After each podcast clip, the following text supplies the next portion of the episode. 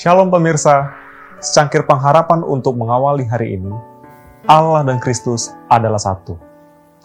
Bapakku yang memberikan mereka kepadaku lebih besar daripada siapa pun, dan seorang pun tidak dapat merebut mereka dari tangan Bapa.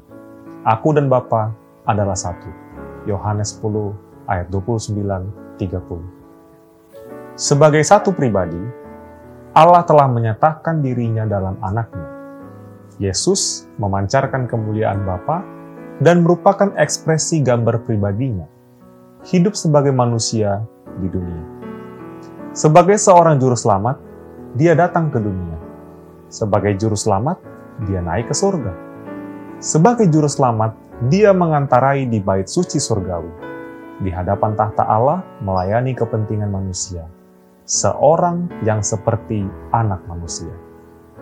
Kristus terang dunia menudungi cahaya keilahiannya dan hidup sebagai manusia dan tinggal di antara manusia supaya mereka dapat mengenal Allah lebih dekat dan tidak binasa.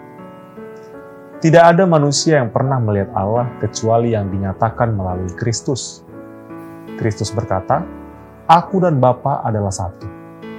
Kristus datang untuk mengajar manusia hal-hal yang Allah rindu untuk mereka ketahui.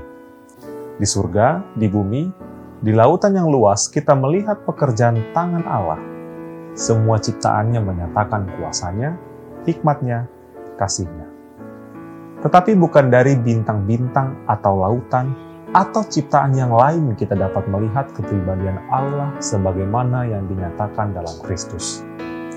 Allah melihat bahwa sebuah pernyataan yang lebih jelas dari alam diperlukan untuk melukiskan baik kepribadiannya dan tabiatnya.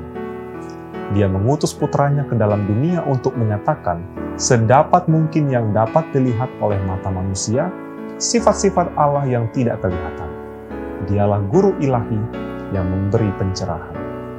Jika Allah berpikir bahwa kita memerlukan pernyataan lain selain dari Kristus dan firman-Nya, Ia pasti telah memberikannya. Testimonis jilid 8 halaman 265-266. Demikianlah renungan kita hari ini.